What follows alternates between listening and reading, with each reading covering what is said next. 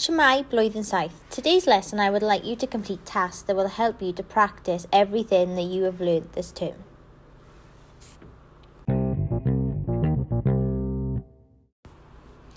For the first task, can you please click on the document named Task 1 a 2? So you will see a sheet with a table, a grid with some words missing, and then at the bottom then room to write. First of all, can you, if you have access to a phone or an iPad, can you scan the podcast QR code which can be found on the bottom right of the sheet? When you scan this code, this will take you to a link to another podcast where you can practice and learn the vocabulary in the grid above. Pob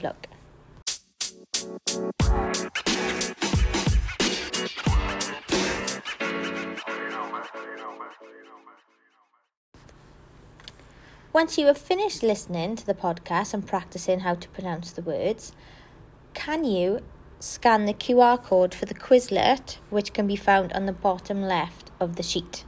When you scan the code, it will take you to a website where you can practice and have fun playing games and seeing if you can beat your fastest time with the vocabulary in Task 1. Pob.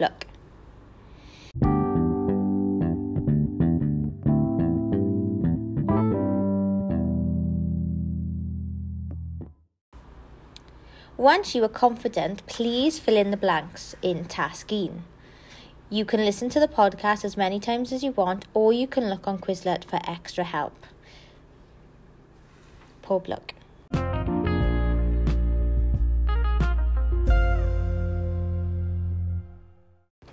Now let's go over the answers. So please stop this podcast if you haven't completed task 1. Carry on listening if you are ready to mark task 1. So if you've noticed, all the vocabulary are subjects. So here are the answers. So we have Cymraeg, so the answer next to it would be Welsh. Ffrangeg, and the answer next to it would be French. Then we have history, so the Welsh for history is hanes. Geography, so the Welsh for geography is dau a Technoleg gwybodaeth. So the translation would be IT.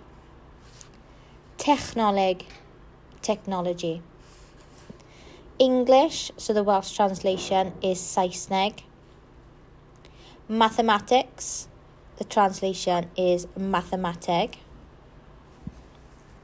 Celf is art. Cerddoriaeth is music.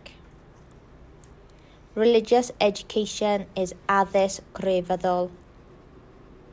And finally, PE sports is chwaraeon, or you may have written addysg gorfforol. Da iawn.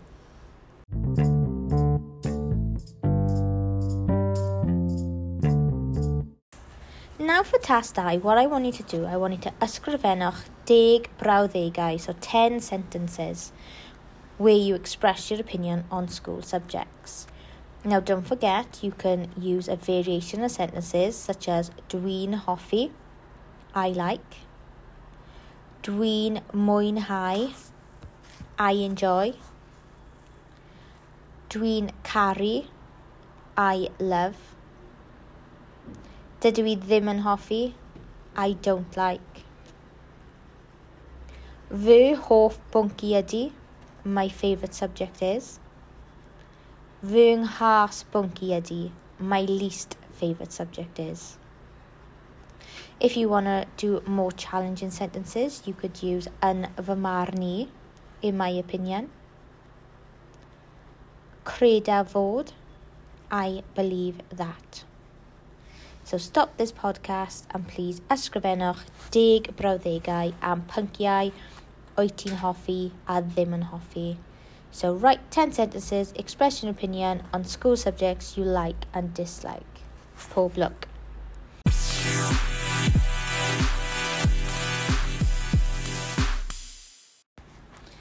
Diolch yn fawr iawn blwyddyn saith am rando. Thank you year 7 for listening. I hope you've enjoyed your tasks and you've learned a few new words. I'm really looking forward to seeing all the work that you send in. Hwyl fawr.